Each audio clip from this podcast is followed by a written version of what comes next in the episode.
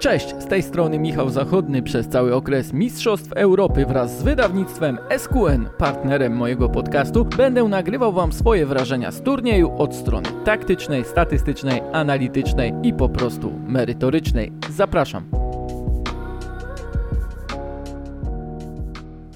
Czasem jest tak, że po prostu piłkarze dają się ponieść fali. Oglądając pierwszy mecz Euro, mogli zobaczyć, że intensywny, techniczny futbol Włochów daje tak zdecydowane efekty i to też pozwoliło im bardziej uwierzyć w swoje możliwości. W trzech pierwszych dniach i w siedmiu meczach strzelono już 19 goli, gdy 5 lat temu we Francji w całej pierwszej kolejce fazy grupowej było ich o ledwie 3 więcej. Patrząc na Belgów, Holendrów, Ukraińców, ale i Austriaków, można było odnieść wrażenie, że turniej po prostu przyspiesza. Tak było na początku minionego sezonu Premier League, gdy za jednym szalonym wynikiem przychodził kolejny, a średnia bramek na mecz biła historyczne rekordy. W Mistrzostwach Świata w Brazylii też tak było. W 12 spotkaniach pierwszej rundy strzelono przynajmniej po 3 gole. Potem tempo lekko siadło, do pracy wkroczyli oczywiście trenerzy i korygowali organizację defensywną, nastawienie swoich piłkarzy, no bo wszystko to robili dla wyniku. Cztery lata później też wydawało się, że tak może być, bo Rosjanie roznieśli na premierze mundialu pięcioma bramkami Arabię Saudyjską,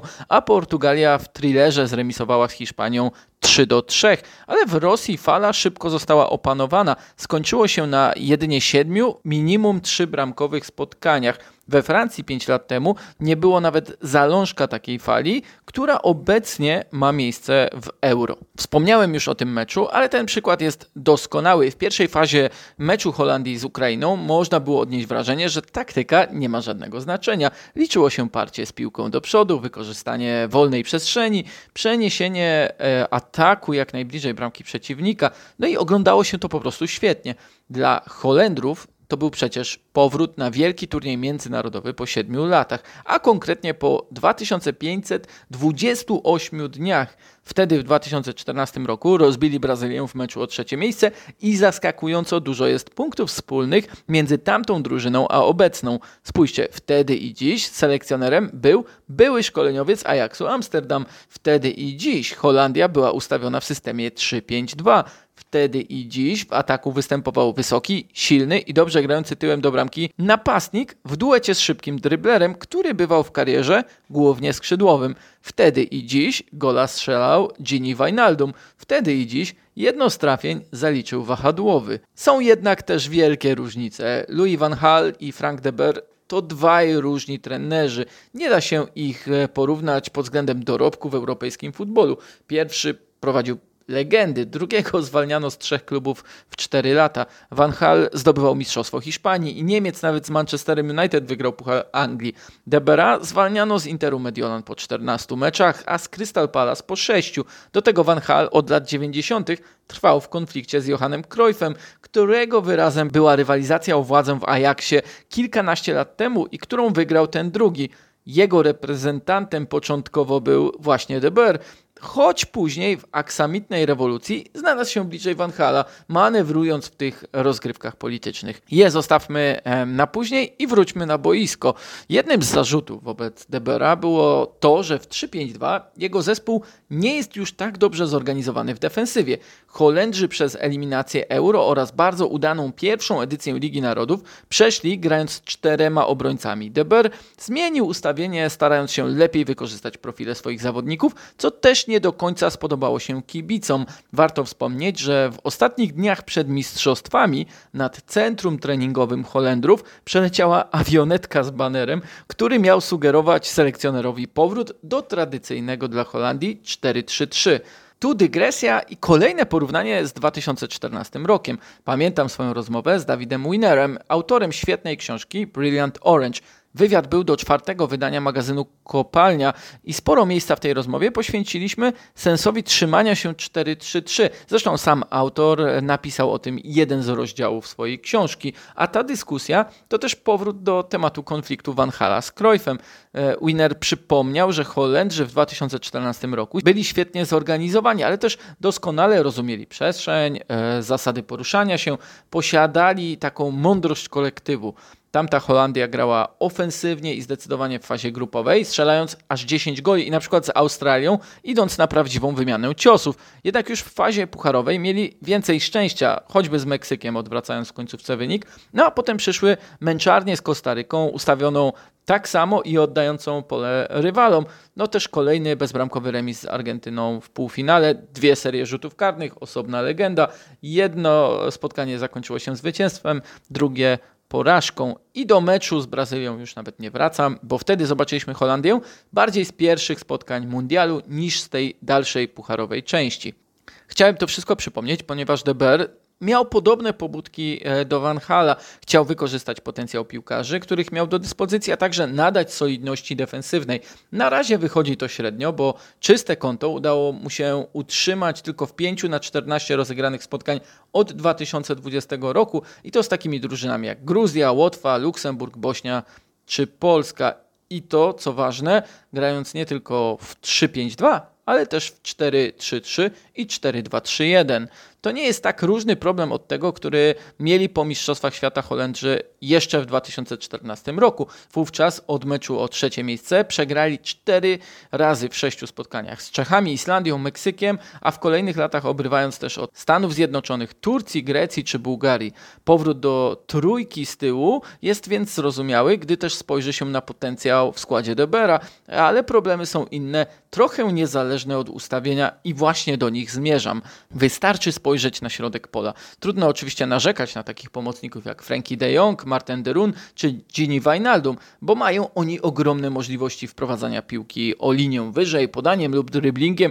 Świetnie się obracają pomimo presji przeciwnika, mają dynamikę na najwyższym poziomie ale też żaden nie jest na tyle mocny defensywnie pod względem organizacji gry bez piłki, by zabezpieczać linię obrony. De Jong oraz Derun wychodzili dosyć często w linię ataku wyżej, nawet w półprzestrzenie na połowie przeciwnika. Podobnie zresztą operował Wijnaldum, choć on jeszcze rzadziej schodził bliżej obrony, był taką dziesiątką operującą między liniami. I przy nielicznych atakach pozycyjnych Ukraińców w pierwszej połowie można było odnieść wrażenie, że De Jong i Derun po prostu za każdym razem byli daleko od akcji. Przypomnę od razu gol Andrija Jarmolenki, bo on jest tego doskonałym przykładem. Skrzydłowy zbiegł do środka z prawej strony bez krycia i oddał strzał ze strefy, w której powinien być jeden z dwóch pomocników, przynajmniej próbujący zablokować uderzenie. Tymczasem De Jong i Derun stali jeden nad drugim kilka metrów dalej, jakby skupieni bardziej na sobie niż na przeciwniku. I te problemy może wykorzystać mocniejszy rywal.